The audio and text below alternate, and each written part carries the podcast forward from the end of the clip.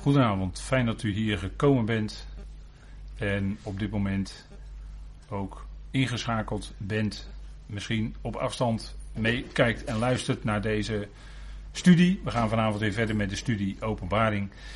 En dat is in Openbaring 21.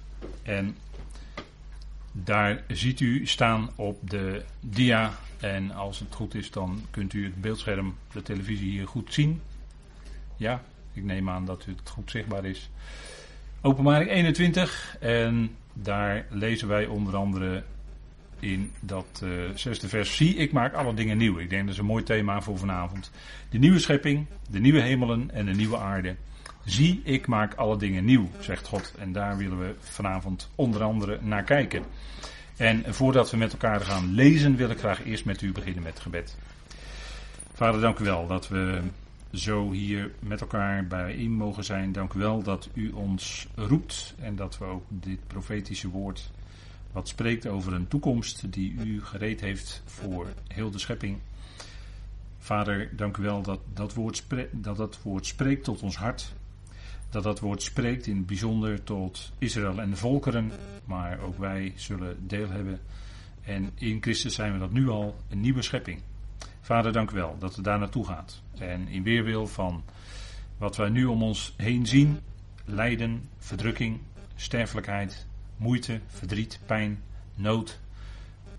Er is alles van die dingen in deze wereld. Maar dank u wel dat we ook de belofte hebben dat er een moment zou komen dat het voorbij is. Vader, we danken u daarvoor. We danken u dat we zo vanavond met elkaar dat woord mogen overdenken. Dank u wel dat we dat hier doen. Ter plekke met een groep. En dat we dat ook op afstand doen met mensen die op dit moment ingeschakeld zijn. We danken u daarvoor. Dat die mogelijkheden er zijn, die technische zaken. We danken u daarvoor. En vader, wilt u leiden in het luisteren. Geef ons een horend hart. En mogen we geleid door uw Heilige Geest horen. Geleid door uw Heilige Geest spreken. Dat het mag zijn tot lof en eer van u. En dat het mag zijn tot opbouw van ons geloof. Dat het mag bemoedigen en versterken en vertroosten.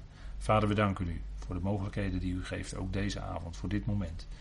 Mag het zijn tot opbouw. We danken u daarvoor in de naam van uw geliefde zoon. Amen. Goed, openbaring 21. En ik wil eerst met u een aantal versen lezen en leest u gewoon mee op de slides of in uw eigen Bijbel. Vers 1 begin ik te lezen, openbaring 21, en er staat: En ik nam een nieuwe hemel en een nieuwe aarde waar, want de eerdere hemel en de eerdere aarde zijn voorbij gegaan en de zee is niet meer. En de heilige stad, het nieuwe Jeruzalem, nam ik waar, afdalend uit de hemel, van God, gereed gemaakt als een bruid versierd voor haar man. En ik hoorde een luide stem uit de troon, zeggend, zie, de tent van God staat bij de mensen. En hij zal zijn tent opslaan bij hen, en zij zullen zijn volkeren zijn. En God zelf zal met hen zijn. En hij zal iedere traan uitwissen uit hun ogen. En de dood zal niet meer zijn. Nog rouw, nog geroep, nog misère. Zij zullen er niet meer zijn. Want de eerdere dingen zijn voorbij gegaan. En hij die op de troon zit, zei: Zie, ik maak alles nieuw. En hij zegt: Schrijf op, want deze woorden zijn betrouwbaar en waarachtig. En hij zei tot mij: Ik ben de Alpha en de Omega geworden, het begin en de voltooiing. Ik zal aan wie dorst heeft geven uit de bron van het water van het leven om niet. Wie overwint, zal deze dingen als lotdeel bezitten. En ik zal voor hem God zijn, en hij zal voor mij zoon zijn. Voor de beschroomden nu, en de ongelovigen, en de gruwelijken, en de moordenaars, en de hoereerders, en tovenaars, en afgodendienaren, en alle valsen. Hun deel is in het meer dat brandt met vuur en zwavel, dat is de tweede dood. Goed, we gaan uh, kijken naar de tekst. En zoals de vorige keer gememoreerd, is dit het tweede tempelgedeelte van Openbaring. Twee troongedeeltes heb je ook. En twee gedeelten waarin gesproken wordt tot de Ecclesia's, de zeven Ecclesia's, de zeven gemeentes uit Openbaring 2 en 3. Maar die boodschap aan die gemeentes komt weer terug aan het eind. En dan het begin van het boek en de afsluiting. Maar dit is het tweede tempeldeel. Hier gaat het dus om het contact met God, religieus, religieuze aanbidding, de religieuze verlossing van de aarde hebben we gezien in openbaring tot en met de verwoesting van Babylon. En nu zitten we in het tweede tempeldeel. Dan deze versen die we net gelezen hebben. Vers 1 tot en met 5. Zou je kunnen zeggen, daar zit een beetje, ook weer op een bepaalde manier, een structuur in. Vers 1 begint te spreken over de nieuwe hemel en de nieuwe aarde. En vers 5 spreekt dan over dat de Heer zegt: Zie, ik maak alle dingen nieuw. En dan, als we naar vers 1 teruggaan, dan staat er ook dat de vorige hemel en de aarde weg zijn. En in vers 4 staat dat de vorige dingen weg zijn. Dus dat wat geweest is, is voorbij. In vers 1, C, om het zo maar te zeggen, staat dat er geen zee meer is. Dus op de nieuwe aarde hebben we geen zeeën meer. Dus uh, dat ontbreekt. En in vers 4 staat dan dat er geen dood meer is. Dus geen uh, thanatos, hè, dus geen doodgaan. Mensen gaan daar niet meer dood. Dan in vers 2 de heilige stad, dus het nieuwe Jeruzalem. En in vers 3 de tabernakel. En daar is dus geen sprake meer van een tempel, maar alleen van een tabernakel. We hebben vorige keer bij stilgestaan. Dat er staat in vers 3 dat God zelf tabernakelt. Hè, hij tent. Wordt het uh, woord tent gebruikt, scannen of scannoo, het werkwoord. God zelf tabernakelt bij de mensen. Dat is eigenlijk heel mooi. Dan is God zelf bij de mensen en dan is er ook geen priesterschap meer nodig. Op de nieuwe aarde ontbreekt het priester zijn van Israël. Ze zijn nog wel regeerders, maar niet meer priesters. Waarom niet? Omdat God zelf te midden van de mensen woont. En dat is eigenlijk heel mooi. Dat is eigenlijk Emmanuel. Hè? Emmanuel, dat wordt gezegd bij de geboorte van onze Heer. Immanuel, God met ons. En dat zal op de nieuwe aarde ten volle werkelijkheid zijn. Immanuel, God met ons, met de mensheid. Wat zal dat een geweldige tijd zijn. En toch hebben we ook de vorige keer, als ik daar even aan memoreer, de vorige keer hebben we met elkaar gezien dat dat nog niet de eindtoestand is. Nog niet de voltooiing. Hoewel de Heer zelf zegt, en daar gaan we ook nog dieper op in, ik ben de Alpha en de Omega, het begin en de voltooiing. Dus hij staat aan het begin en hij staat ook aan het einde. Maar toch is die nieuwe aarde nog niet de volkomen situatie. En ook dat hebben we gelezen, want we hebben gelezen met elkaar in vers 8 dat er nog sprake is van de tweede dood. Of daar op de nieuwe aarde daadwerkelijk dat meer van vuur nog is, dat weten wij niet. Dat hoeft niet per se. Maar goed, dat uh, komen nog even, kom ik uh, later vanavond dan nog wel even op terug. Goed, we gaan uh, kijken naar ehm, het vers waarin staat: En hij zal alle tranen uitwissen uit hun ogen. En dat is natuurlijk wel heel mooi dat, uh, ook dat, ja, dat is dan even finesse, maar uh, dat twee keer uit, hè, uitwissen uit hun ogen. Dus dat die tranen worden daadwerkelijk weggenomen. En dat is natuurlijk een aanduiding dat het uh, verdriet, de rouw en dergelijke, dat dat er niet meer is. Omdat, dat hebben we ook gelezen, de dood er niet meer is. Mensen gaan niet meer dood. Dat woord thanatos heeft te maken met doodgaan, uh, als je het even heel strikt neemt, en natuurlijk bij uitbreiding wordt het ook in tekstverbanden gebruikt, dat het uh, ook wijst naar de stervenstoestand, maar vooral prikte dan op het moment dat de mens daadwerkelijk doodgaat. Hè. En in Jezaja 25 staat ook al een aanduiding, en daar zal uh, Johannes op Patmos wellicht aan gedacht hebben toen hij dit opschreef. In Jezaja 25 vers 8, in Jezaja 25 wordt ook gesproken over de opstanding overigens. Maar daar staat, en dat wordt hier ook gezegd, hij slokt de dood op. Dat is een hele mooie beeldspraak. De dood wordt verzwolgen. En zo spreekt Hosea er ook over. Dat, uh, dat Hosea 13, wat uh, Paulus aanhaalt in 1 Corinthië 15. De dood, hè, de, uh, het sterven is verzwolgen in de overwinning. Er wordt het woord opslokken ook gebruikt. Hè? Hij slokt de dood op. En er staat er permanent. En mijn Heer Yahweh zal iedere traan afwissen van alle gezichten. En hij zal de smaad van zijn volk wegnemen. En heel de aarde, want de mond van Yahweh heeft het gesproken. En daar gaat het maar om. Hè. De mond van Yahweh heeft het gesproken. En dus gaat dit ook gebeuren. En natuurlijk, deze tekst ziet allereerst op de duizend jaar, op de dag des Heren. Maar in het verlengde daarvan heeft het uh, misschien nog wel een vollere betekenis op de nieuwe aarde. Waar inderdaad, zoals Johannes dat ook vaststelt, de dood niet meer zal zijn. Uh, of mensen dan uh, allemaal levend gemaakt zijn, dat is nog wat anders. Dat is nog niet het geval. En er wordt ook gesproken op de nieuwe aarde over het geboomte van het leven. En u moet zich natuurlijk voorstellen dat uh, Israël en de volkeren die hebben zeg maar op de, tijdens de duizend jaar of tijdens de dag des Heren de aarde bevolkt. En ook op de nieuwe aarde wordt gesproken over Israël en de volkeren. Dus op een of andere manier. Uh, natuurlijk weten we dat daartussen zit het uh, totale vergaan door vuur van hemelen en aarde. Maar uh, kennelijk, kennelijk worden die mensen allemaal op een of andere manier bewaard en weer gezet op die nieuwe aarde. Zo zouden we dat denk ik wel kunnen zien.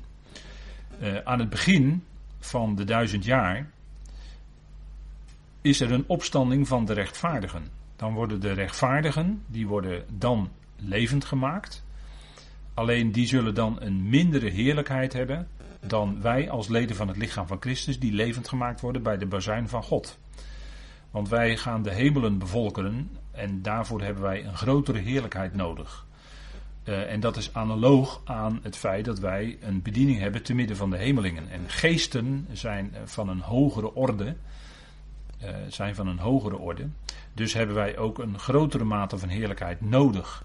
En dat lezen wij ook bijvoorbeeld in Filippenzen 3 vers 21 waar staat dat wij wat betreft ons lichaam gelijkvormig zullen gemaakt worden aan zijn heerlijkheidslichaam, waar Paulus drie dagen blind van was.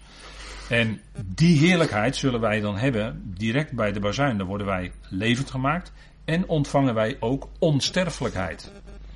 En die, de, degenen die de aarde in de duizend jaar bevolken, dat zijn dus twee groepen van mensen, even afgezien van het lichaam van Christus, want wij zijn niet op aarde dan. Maar dan heb je twee groepen van mensen. Je hebt de groep mensen die opgestaan is bij de opstanding van de rechtvaardigen. Dus die hebben leven en die hebben leven door de geest en die, die gaan ook niet meer sterven. En daarnaast heb je mensen die zijn overgegaan door de grote verdrukking heen en die zijn op die nieuwe aarde terechtgekomen. Door de gerichten heen, die zijn blijven leven enzovoort. Die zijn nog niet levend gemaakt. Dus die zijn nog niet opgestaan, nee, die zijn blijven leven. Dus die, die hebben een enorme omwenteling meegemaakt. Maar die leven, en er staat dan ook, eh, bijvoorbeeld in de profetie, ik meen in Zacharia, dat uh, dan de leeftijden veel hoger zullen zijn. Want iemand die, als, die, iemand die sterft als hij 100 jaar is, heet dan nog een jongeling. Dus eh, wellicht kan het zo zijn dat mensen dan weer de, tijd, de leeftijden bereiken van uh, de oude aardvaders, zoals ja, misschien niet Methuselem, die werd 969, Adam werd 930. Nou, dat zijn we nog wel leeftijden. Maar mensen kunnen dan wel weer, blijkt, honderden en honderden jaren oud worden, omdat de omstandigheden, ook de klimatologische omstandigheden veel beter zullen zijn. Men zal weer gebruik kunnen maken van kruiden en gewassen en noem alles maar op. Hè. De, de daadwerkelijke geneeskracht die in de natuur is, wordt nu niet benut omdat wij allemaal aan de farmaceutische pillen zitten. En injecties en noem alles maar op. En dat is toch, als je daar te veel van gebruikt, niet zo gezond voor de mens. Maar die omstandigheden zijn dus veel beter. En die kennis over uh, wat in de natuur voorhanden is aan kruiden en geneeskracht en noem alles maar op. Dat zal uh, aanzienlijk uh, beter zijn. Dus daardoor zullen mensen veel ouder worden. Die zullen veel meer vitaliteit hebben. Maar ze zullen ook weer sterven. Er zal dan nog dood zijn. Hè. Er is dan nog wel op die nieuwe aarde, of op de aarde in de duizend jaar, is er nog wel sprake van thanatos. Gaan mensen nog wel overlijden. Maar er zullen mensen zijn die ook de eindfase meemaken van die duizend jaren van de dag des Heren. En daar staat niet van dat die dan uh, doodgaan aan het eind. Maar uh, op een of andere manier uh, zal die nieuwe aarde ook weer bevolkt worden door Israël en de volkeren. dus daar, daar, het kan best zo zijn dat Israël en de volkeren voor een deel, zoals die waren op de aarde tijdens de duizend jaar, ook weer op de nieuwe aarde zullen zijn. Met natuurlijk de opgestaande rechtvaardigen. Met degenen die hun namen wel geschreven hadden gezien in het boek van het leven bijvoorbeeld. Hè, dus die kwamen niet in de tweede dood. Hè. Over hen heeft de tweede dood geen volmacht bijvoorbeeld. Nou, die mensen hebben ionisch leven, dus die blijven leven in de ion. Hoe dan ook. Maar die zullen dan dat bladeren van het geboomte van het leven nodig hebben. En de vruchten van het geboomte van het leven om op die nieuwe aarde te kunnen blijven leven. dus de Israël en de volkeren die daar zijn, die zijn niet allemaal per definitie levend gemaakt. Nog niet. Hebben nog geen onsterfelijkheid zoals wij dat hebben, zoals onze Heer nu dat als enige heeft. Uh, maar dan zal dat een toegroeien zijn naar de volkomenheid. Dus die nieuwe aarde, ook dan is er een geweldige tijd. En is natuurlijk, uh, de dood is dan voorbij, hè? de doodgaan is dan voorbij. Maar het is nog niet de volkomenheid, het is nog niet de eindtoestand. De eindtoestand is als God alles in alle is. En dan is iedereen levend gemaakt, heeft iedereen onsterfelijkheid. Maar dan ben je voorbij de eonen. Dan ben je voorbij de eonen. Dus genoeg dingen om nog eens goed over na te denken. Hè? Hoe dat dan precies zal zijn. Dus hij slokt de dood op. Dus de dood is verzwolgen in de overwinning. Hij zal de smaad van zijn volk wegnemen en van heel de aarde. Want de mond van Jehovah heeft het gesproken. Dus natuurlijk, dat ziet profetisch op de komende dag des Heren, de duizend jaren. Maar heeft natuurlijk ook een verdere doorvervulling, om het zo maar te zeggen, op de nieuwe aarde.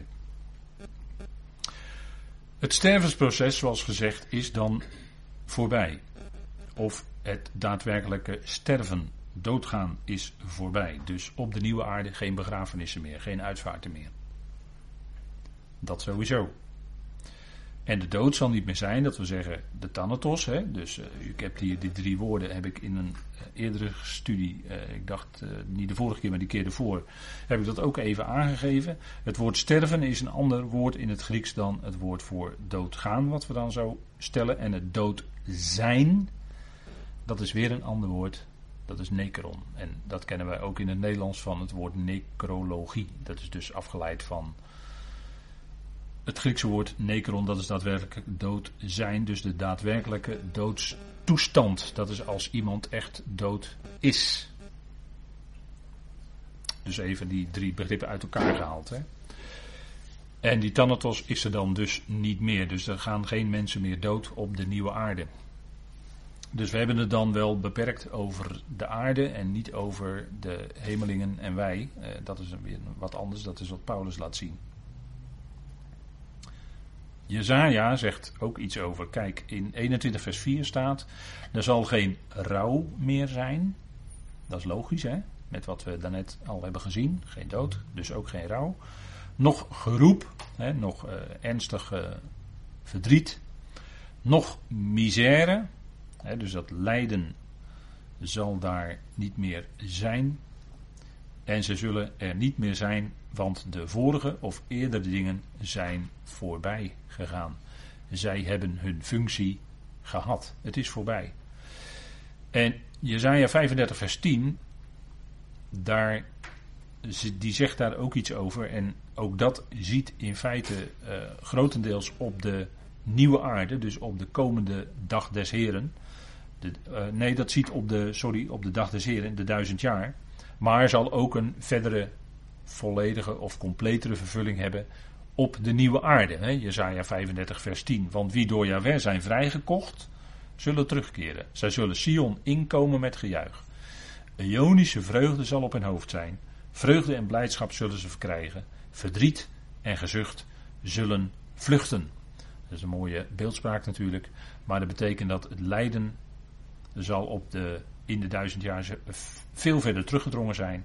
En op de nieuwe aarde zal dat, omdat het lijden toch verband houdt met uh, het daadwerkelijke sterven, doodgaan en dergelijke, dat zal daar uh, grotendeels uh, teruggedrongen zijn, zal nauwelijks meer aanwezig zijn.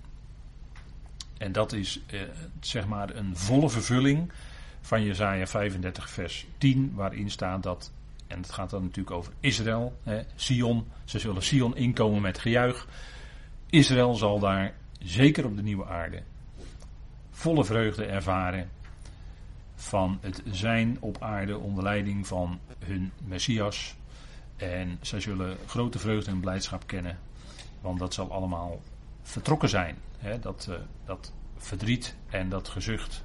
Er is geen rouw meer. Nu kennen wij nog rouw, nu kennen wij lijden. Moeilijke momenten. Het gemis van de ander. En uh, dat zal toch dan daar heel sterk teruggedrongen zijn. En zeker als wij zelf als lichaam van Christus uh, opgenomen zijn, weggenomen zijn, weggerukt zijn. Dan zijn we in een andere dimensie, om het zo maar te zeggen. Vol met heerlijkheid. En ehm, je kunt je dan natuurlijk afvragen in hoeverre wij geliefden die niet geloofden zullen missen. Ik weet het niet. Ik denk dat, dat, dat we dat op een andere manier zullen ervaren, om het zo maar te zeggen, dan dat wij dat nu ervaren. Nu kunnen wij pijnlijk iemand uh, ervaren, ervaren dat we iemand missen. Meerdere mensen missen, gemeenteleden, familieleden. Uh, dat is pijnlijk, dat is verdrietig. Uh, daar heb je veel moeilijke momenten van. Uh, God geeft daarin troost, want hij geeft uitzicht op een geweldige toekomst. Hij geeft uitzicht op de opstanding, geweldige verandering die gaat komen, grote veranderingen. En die heerlijkheid die wacht, hè, dat is natuurlijk geweldig. Die komende eonen, daar mogen wij nu al van weten. En uh, dat is voor ons, dat, dat verzacht toch enigszins de moeite, de pijn, het verdriet, het lijden wat we hebben dat uitzicht is toch geweldig en dat tilt ons op momenten, denk ik, ook wel een beetje erbovenuit. He, ik denk dat, dat, dat we dat toch tegen elkaar mogen zeggen. En we hebben natuurlijk geweldig troostvolle woorden. Natuurlijk van de bazuin. Paulus zegt: vertroost elkaar dan met deze woorden. Nou, binnenkort hopen we dan ook met een brochure over wie gaan de Heer ontmoeten in de lucht. Hopen met een brochure uit te komen. En. Uh, ja, ik denk dat dat fijn is om te beseffen wie dat dan zullen zijn. Daar heb ik in het verleden een studie over gegeven. En dat gaan we in brochurevorm uitgeven. Gaat binnenkort komen, dus houdt u dat in de gaten. En dat is ook troostvol. Hè? Dat is, uh, broeder Nog noemde die studie Consolation in Expectation. Dat we zeggen troost in verwachting. Hè? Dus wij hebben, omdat we die geweldige verwachting hebben, toekomst die God gaat geven, die de Heer gaat geven, daar hebben wij troost in, troostvolle woorden. En daarom lezen we die ook op het graf. Dan is dat een stukje bemoediging op dat moment dat we toch uh, ja, geneigd zijn naar beneden te kijken, naar dat graf. Maar we mogen dan ook omhoog kijken naar die bazuin. En daar waar wij de Heer met al die overleden medegelovigen zullen ontmoeten. Nou, ik denk dat dat uh, uitzicht geeft. En ook deze hoofdstukken van de openbaring geven ons natuurlijk ook troost en uitzicht op die toekomst die wacht voor de schepping. Want als we nu kijken in de wereld vandaag aan de dag, dan is daar veel leed, dan is daar veel verdriet, dan is daar veel pijn en moeite. Heel veel. En dat neemt alleen maar toe. Uh, en die druk en de verdrukking neemt ook alleen maar toe in onze dagen. Maar weet dat dat een korte, korte tijd is. En als je er middenin zit, dan lijkt het heel lang te duren. Maar relatief gezien is dat een korte tijd. En dat is een doorgang. Hè. We leven nu dat we toegroeien naar de culminering van deze boze aion. En in die culminering gaat God ingrijpen. Dat hebben we met het boek Openbaring ook gezien. Maar dat zal God dan kort doen. Want als hij gericht houdt, dan doet hij dat kort. Omdat het gericht eigenlijk zijn vreemde werk is, zegt Jezaja. En dan zal hij ingrijpen, heel grondig, in korte tijd. En dan zal het ook genoeg zijn. Hij weet maat te houden in het gericht. Hè.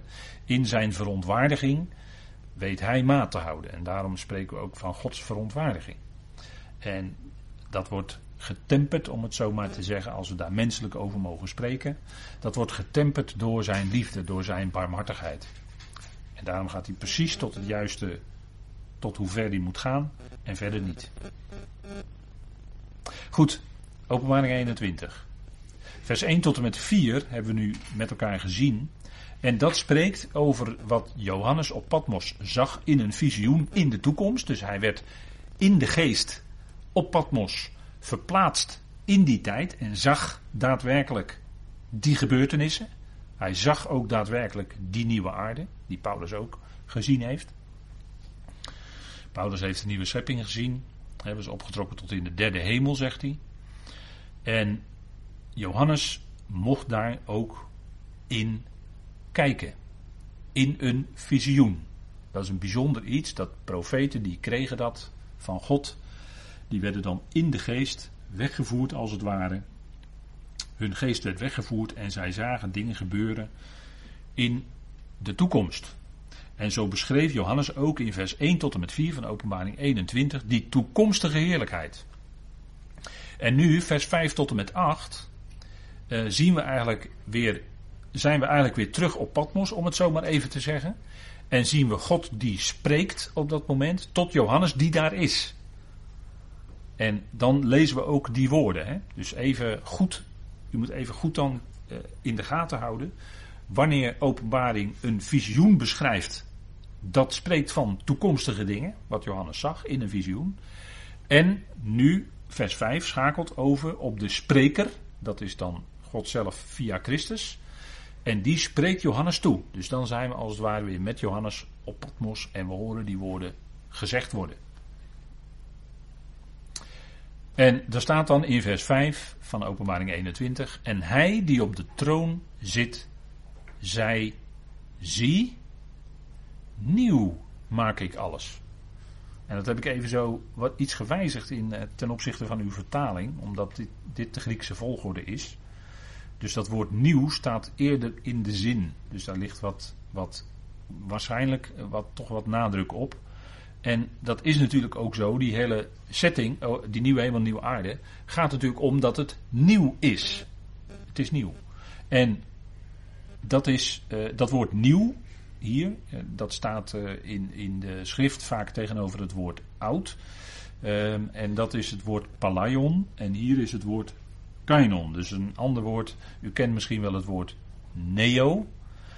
Bijvoorbeeld uh, uit de politiek kennen we bijvoorbeeld het neoliberalisme of het neo-marxisme. En dat is dan een woord wat we dan vertalen met nieuw. Maar hier wordt het woord kainon gebruikt. En dat wil zeggen, het is anders, het is later dan wat er eerder was en het verschilt daar ook van. En ik heb op deze dia een aantal woorden gezet die aangeduid worden met nieuw. Bijvoorbeeld de nieuwe schepping, waar we dan met nieuwe hemel nieuwe aarde middenin zitten. Maar u en ik zijn dat ook al, hè? de nieuwe mensheid. Wij als gemeenteleden maken in feite al deel uit van die nieuwe mensheid. Wordt hetzelfde woord gebruikt. Dan wordt natuurlijk ook gesproken over het nieuwe verbond. Wel een zekere zes of zeven keer in de schrift. Wat de Heer zei hè, met zijn discipelen in de opperzaal. Deze beker is het nieuwe verbond in mijn bloed. En dat nieuwe verbond heeft natuurlijk te maken met Israël, met het huis van Juda en met het huis van Ephraim. En die twee huizen zullen weer onder het nieuwe verbond één worden. Hè. Onder het nieuwe verbond kenmerkt het zich door eenheid. Wij als leden van het lichaam van Christus hebben geen deel in die zin aan dat nieuwe verbond. Voor zover Paulus dat gebruikt, bijvoorbeeld in de tweede Korinthebrief, wordt het gebruikt in, in een beeldspraak. Hè? In een, uh, uh, ja, hoe moet je dat zeggen? In een wat afgevlakte uh, beeldspraak. maar het is in, in, in wezen niet echt een verbond. Maar Paulus houdt het woord verbond, dat doet hij wel vaker, hè? Houdt het woord verbond wel vast. Om, om te laten zien in de geest wat voor ons van toepassing is. Alleen dat verbond kent natuurlijk helemaal geen voorwaarden, want God doet alles hè, bij ons. God doet alles. Dus in die zin is er helemaal geen sprake van een verbond. Dus is er, eh, is alleen een, een verbond in, in de zin van een bepaalde manier van beeldspraak. Dan bijvoorbeeld wordt er gesproken in de Evangelie over wijnzakken, over oude en nieuwe? Over dingen. dat is die schriftgeleerde in Matthäus 13, die uit zijn schat, en wat is de schat van de schriftgeleerde? Ik denk dat hij die wel in kan koppen.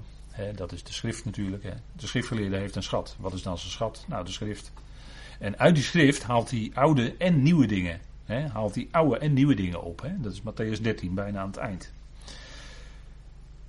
Dan uh, drinken, hè, nieuw drinken. Daar zal ik deze nieuw drinken in het koninkrijk, zegt de Heer tegen zijn discipelen.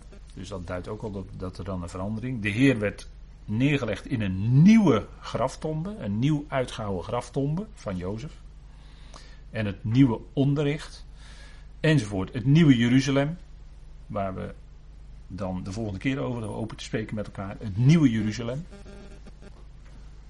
En een nieuw lied, hè, wordt ook in openbaring genoemd. Een nieuw lied, u kent het misschien wel, hè, een nieuw lied. Uit uh, welke bundel is het? Glorieklok of Johannes de Heer? Ik ben er niet zo in thuis. Ik heb een nieuw lied in mijn hart, weet u dat al? Ik heb een nieuw lied in mijn hart. Want ik zing nu zo blij, want het oude is voorbij. We zijn in Christus een nieuwe schepping. Dat is, dat is een geweldige reden tot vreugde en tot zingen. We zijn in Hem een nieuwe schepping. De Heer zegt: Zie, ik maak alle dingen nieuw. Nieuw maak ik alles, staat er dan. De Heer maakt alles nieuw. Het blijft niet bij dat oude wat wij nu meemaken. Wij zijn nog in een oud lichaam, stervend lichaam, wat naarmate we ouder worden steeds krakkemikkiger wordt. Ken je dat woord nog, krakkemikkig? Dan begrijpt u wel wat ik bedoel, denk ik, hè, als ik dat zo zeg. Maar dat gaat kraken en piepen en uh, dan heb je een nieuwe knie nodig of een nieuwe heup. Tegenwoordig kan dat allemaal. Hè. Wordt gewoon uh, met kunststof krijg je gewoon een nieuwe heup of een nieuwe elleboog of een nieuwe knie of een nieuwe enkel. Kan allemaal tegenwoordig. Dat is wel. Uh...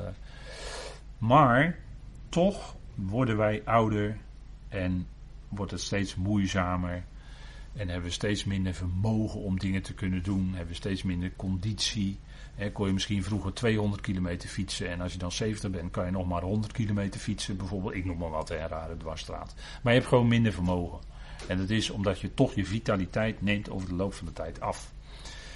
Maar de Heer zegt, en dat vind ik een geweldige boodschap. Zie, nieuw maak ik alles. De Heer gaat alles nieuw maken. Dat doet Hij. Dat is, dat is een bekende woord, hè, wat we vorige keer uh, bij de kop hadden. Dat woord doen, dat komt heel vaak voor in de Griekse schrift.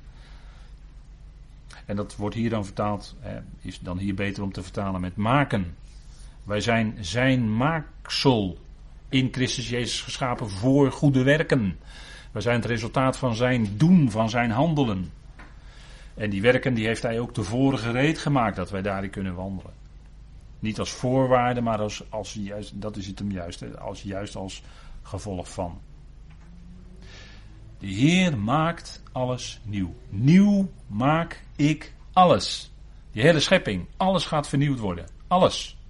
Dus wat uh, we, zien, we zien van dichtbij, bij ons in Capelle, daar wordt een hele wijk met uh, portiekwoningen wordt afgebroken. En als ik daarnaar kijk, dat gaat met heel, heel veel geweld en met kranen, weet ik wat allemaal. En dat is nu allemaal puin. Dan denk ik van ja, zo gaat dat. Want het is wat de prediker zegt. Er is een tijd om af te breken. En dat zien we dan daar echt heel letterlijk gebeuren. Maar er is ook een tijd om op te bouwen. Want daarvoor in de plaats komen weer nieuwe woningen.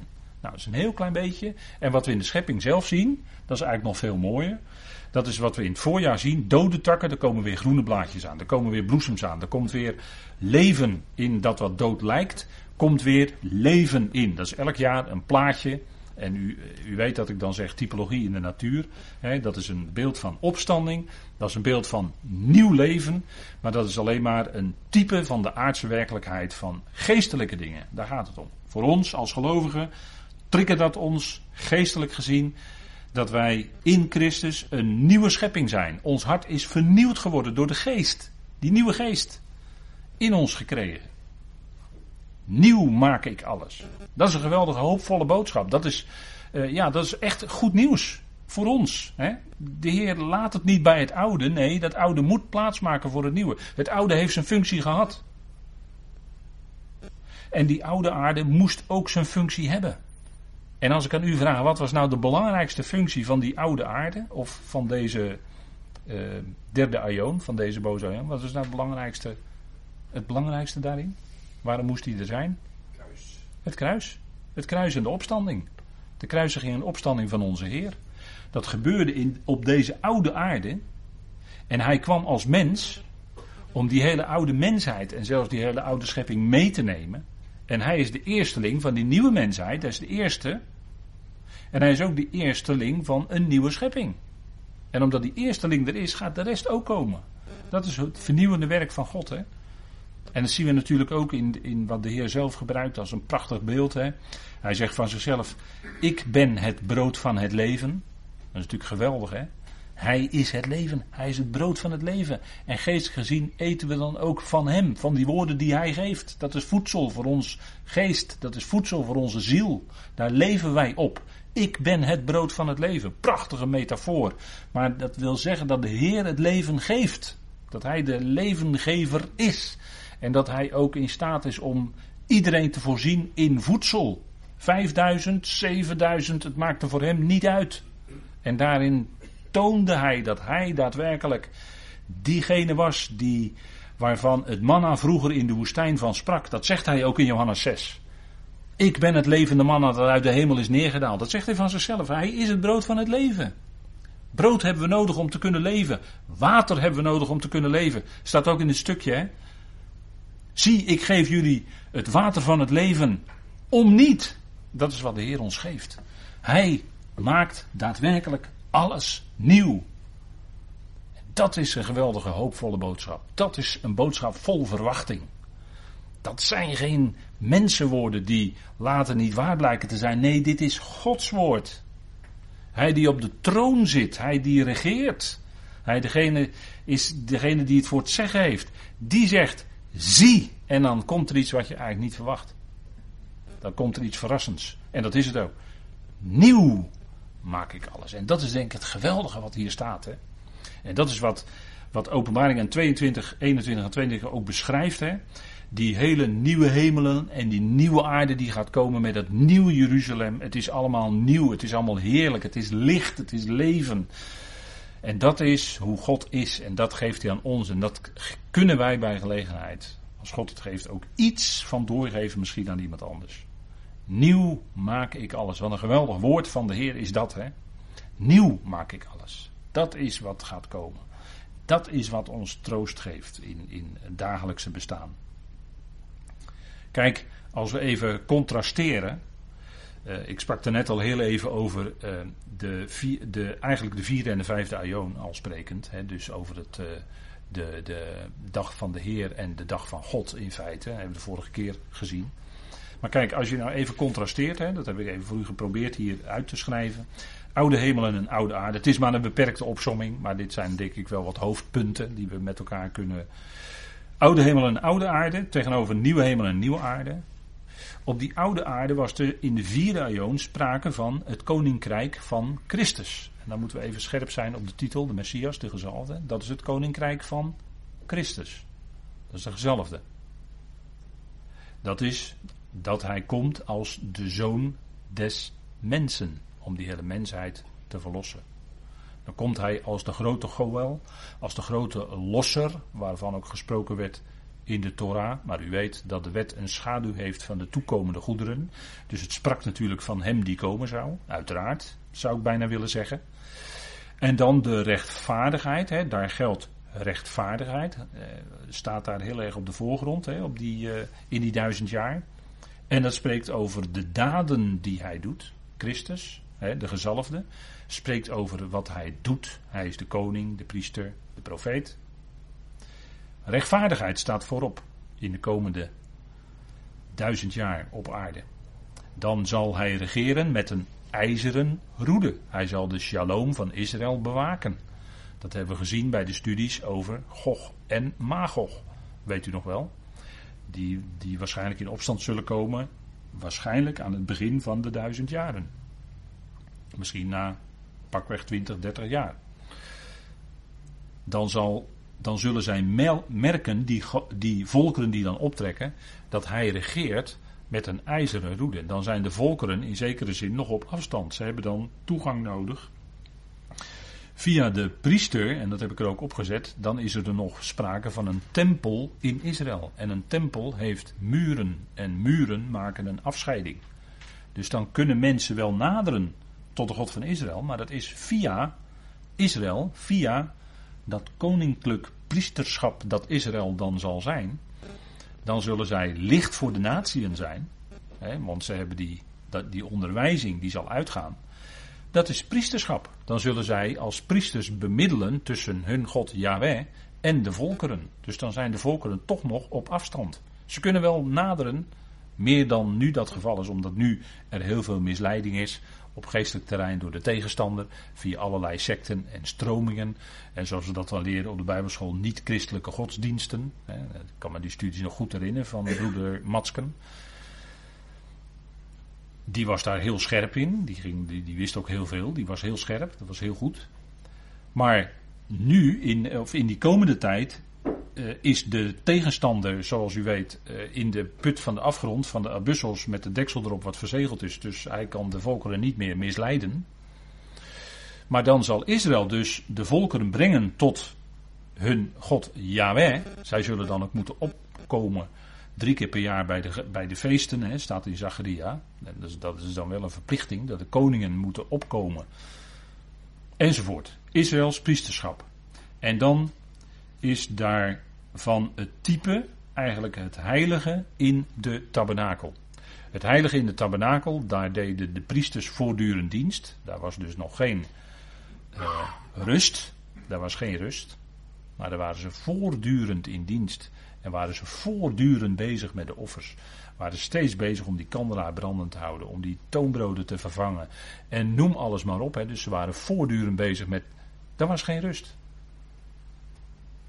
En het heilige van de tabernakel is eigenlijk een type, zou je kunnen zeggen, van de komende periode, de duizend jaar of de dag des Heren, als je dat zo wil zeggen. En waarin er wel een enorme verbetering is, dus wel dichter bij Yahweh. Ze zijn dichter, om het zo maar te zeggen, bij het heilige der heiligen. Maar nog niet, ze kunnen nog niet rechtstreeks naderen tot. Daar hebben ze het priesterschap nog voor nodig. Wat nu eenmaal een uh, type is en uh, wat de Hebreeën dan daar verder ook uh, van zegt. Hè. Dan daar tegenovergezet de nieuwe hemelen en de nieuwe aarde. En daar zien we wat andere aspecten naar voren komen. Dan gaat het om het koninkrijk van de zoon. De zoon. Dus dat is een andere. Dan ben je een stap verder in feite. Dan gaat het niet meer om de zoon des mensen. Maar dan gaat het om die andere titel, de zoon van God. Daar zal verzoening het woord zijn, want dan zal God te midden van de mensen zijn. En de mensen dus dicht bij God en God dicht bij de mensen. Dat is eigenlijk, zou je kunnen zeggen, uh, onze tijd waarin we nu leven, geestelijk gezien, wat wij geestelijk gezien meemaken, wat we weten, de verzoening, de verzoening van de wereld, sinds Golgotha, dat zal dan op die nieuwe aarde ook zo'nzelfde periode zijn, maar dan uitgewerkt op die nieuwe aarde. Dus dan zijn de volkeren dichterbij gekomen. Dan is er ook geen priesterschap meer. Dus dan is die afstand weg. God zelf woont te midden van de mensen, staat er. Hè? God tabernakelt daar zelf. Geen priesterschap meer nodig. Israël zal met hem nog wel regeren. Want zij regeren met Christus gedurende de eonen van de eonen. Dat zijn de laatste twee. Dus daar is nog wel sprake van regering. Er is nog wel sprake in die zin ook van een koninkrijk met een koning die regeert. Dus dat is nog niet de volkomen toestand, want in de volkomen toestand zegt Paulus in 1 Korinthe 15 dat Christus zijn koningschap, zijn koning zijn, zal overdragen aan God. Opdat God zij alles in allen. Hij moet regeren totdat, staat er in 1 Korinthe 15, vers 26. Vers 25 26. Totdat hij al zijn vijanden onder zijn voeten gesteld heeft. En de laatste vijand die ontroond wordt, is de dood. En dat kan niet anders zijn dan de tweede dood, die daar bedoeld wordt, is de dood. Maar je kunt ook via een andere brief van Paulus benaderen door te zeggen, 2 Timotheus 1, dat Christus de dood opheft. Dat staat daar in de Aoristus, dus dat is uh, niet aan tijd gebonden. Nee, zolang daar nog sprake is van dood eventueel, Christus heft dat op. Dus is er nog sprake van tweede dood? Goed, dan staat, blijft het woord uit Timotheus staan. Hij heft die dood op. Dus dat, dat eh, blijft, hè, totdat dat niet meer nodig is, als de dood is weggedaan. De dood zal uh, verzwolgen worden, hebben we gelezen in een beeldspraak. Hè? En dat zal hij doen, hij zal die dood onttronen. Dus zolang zal hij regeren en als de zoon. Het heilige der heiligen, uit de tabernakel zou je kunnen zeggen, is een type van deze laatste vijfde aion. Het heilige der heiligen. Want daar mocht de hoge priester naderen. Daar was de Shekinah. Daar was de heerlijkheid van God. Daar was het licht. de, de volkolom, vuurkolom, de Shekinah. Daar woonde hij, daar troonde hij op het verzoendeksel, op het deksel van bescherming. Daar troonde hij en daar sprak hij ook. Daar sprak hij. En één keer per jaar mocht de hoge priester op grote verzoendag, Yom Kippur, daar komen met het bloed. En zo is Christus zelf ook met zijn bloed de hemelen doorgegaan en heeft zich gepresenteerd aan de Vader. Dat is die geheime hemelvaart geweest op zijn opstandingsdag. Maar het heilige der heiligen is een, uit de tabernakel is eigenlijk een type van die vijfde aion. En zo kun je die aionen ook leggen naast dat hele, die hele plattegrond van de tabernakel. dat is dan op zich een studie apart. broeder John Essex heeft daar ook over geschreven, bijvoorbeeld. Maar het koninkrijk van de zoon is dus de vijfde aion. En dan ben je bij, bijna bij het einde. En natuurlijk vijf is natuurlijk het getal van de genade. Maar is ook het getal van de verborgen dingen die dan ook uit die verborgenheid openbaar worden. En dat zal op die vijfde aion zeker zo zijn. Goed, de nieuwe hemelen en de nieuwe aarde. Dat is het laatste tijdperk. Dat is het laatste tijdperk. En daar wordt eh, vaak in de schrift aan gerefereerd. Eh, maar meestal gaat het dan om de laatste twee tijdperken. Die worden aangeduid met de eonen van de eonen. Is in uw vertaling, in de, in de herziene statenvertaling of NBG of statenvertaling, het maakt allemaal niet uit, is dat hopeloos wegvertaald. Is het vertaald met in alle eeuwigheid of in alle eeuwigheden of in eeuwigheid of noem maar op. Het is allemaal hopeloos verduisterd voor de mensen. Maar de schrift is heel nauwkeurig. En elke keer als je dus leest over de eonen van de eonen, gaat het om die laatste twee. En waarom wordt, die, waarom wordt dat zo genoemd, hè? de eonen van de eonen? Omdat die laatste twee als het ware de vrucht zijn van die vorige drie. Dus het een brengt het andere voort. En nu spreekt uh, Paulus een keer in Efeze, dat is maar één keer, wordt de uitdrukking gebruikt in de Griekse schrift, dat is maar één keer, over de eon van de eonen. Efeze 3, vers 21. Even met elkaar lezen. Efeze 3, vers 21. Dat is een geweldige tekst.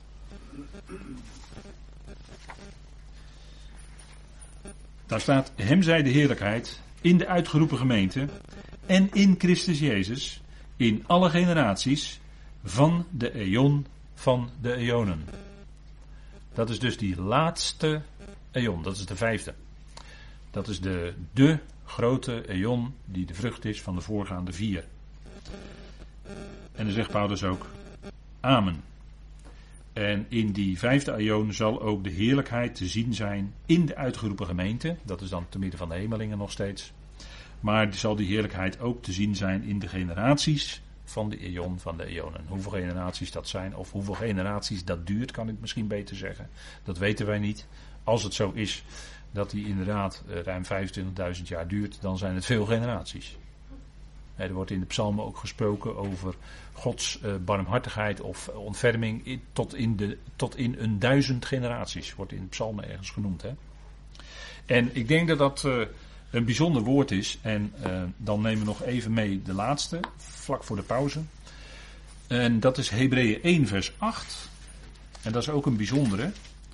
Want daar wordt gesproken over de eon van de eon. Dat is de enige keer dat die, die uitdrukking in de Griekse schrift voortkomt, voorkomt. Maar denk erom, de schrift is heel nauwkeurig. En daar moeten wij op letten op enkelvouden en meervouden, daar zouden wij goed op letten. In Hebreeën 1 vers 8 staat, en dat, dat duidt dan op de heerlijkheid van de zoon, hè, de heerlijkheid die de zoon nu heeft. Daar begint de Hebreeënbrief met een majestueus hoofdstuk mee. En dan zegt hij in vers 8, of in vers 7, even voor het verband. En van de boodschappen zegt hij weliswaar, die zijn boodschappers maakt tot geesten, en zijn dienaren tot een vuurvlam. Maar tegen de zoon uw troon, o God, bestaat in de eon van de eon. De scepter van uw koninkrijk is een scepter van het recht. Dus hier wordt tegen de zoon gezegd: Uw troon, dus uw regering, o God. Dus hier wordt de zoon ook Theos genoemd. Dat wil zeggen, plaatser. En ieder die op een of andere manier uh, zo'n functie heeft, die kan God genoemd worden. In de Hebreeuwse schrift werden bijvoorbeeld de leiders van Israël, de leiders in Israël of de oudsten in Israël, werden Elohim genoemd. Goden. In Psalm 82 wordt Israël ook aangeduid als goden. Dus bij gelegenheid worden mensen ook zo aangeduid. En hier wordt de zoon aangeduid als God. Maar natuurlijk, de zoon zelf heeft zelf een God en Vader. En die God en Vader is de ene ware absolute God. En daarom zeggen we toch heel nadrukkelijk met het beleiden van Israël mee: er is maar één God. Monotheïstisch. Dat is die ene ware absolute God die boven alles staat, uit wie alles voortgekomen is en tot wie alles zal zijn. Want uit hem is ook de zoon. Uit God, die is ook uit God. Maar de zoon wordt bij gelegenheid dus ook God genoemd. En dat is omdat hij die functie van plaatser dan vervult. En daarom wordt hier gezegd in Hebreeën, maar tegen de zoon, uw troon, o God, bestaat in de aion van de aion. En dat is de laatste aion. Dat is de vijfde aion die de vrucht is van de vierde aion. In de vierde aion, daar hebben we een mate van heerlijkheid. Maar in de vijfde aion is de heerlijkheid groter en dat is de vrucht van de vierde aion. Uw koninkrijk, uw troon, o God. En dat wordt tegen de zoon gezegd. En daarom noemen we die vijfde aion ook het koninkrijk van de zoon. En geestelijk gezien hebben wij daar al deel aan. Hebben we gezien in de studies Colossense. Wij zijn overgezet in het konings, in het koninkrijk, of je mag ook zeggen koningsheerschappij. Maar goed, als je Basilea heel strikt wil vertalen, dan zeg je koninkrijk. Het koninkrijk van de zoon van zijn liefde. Dat is nu geestelijk, dat is nu niet zichtbaar. Dat is geen grondgebied op aarde, maar wij behoren daarbij en dat is puur alleen geestelijk. De Heer in geestelijke zin regeert over ons leven. Maar hij troont niet in Den Haag of in Amsterdam of in Den Bosch of waar dan ook. Nee, hij troont in de hemelen. Hij is verheerlijkt aan Gods rechterhand. En wij zijn als het ware zijn onderdanen, om dat beeld dan maar even te gebruiken. En we maken dus deel uit van dat geestelijke koninkrijk. En dat zal zichtbaar worden, al behoorlijk zichtbaar worden, in die laatste eon. En dat, dat noemen we dan ook het koninkrijk van de zoon. De eon van de eon. Enige keer dat die uitdrukking nogmaals in het Grieks wordt gebruikt. Goed, na deze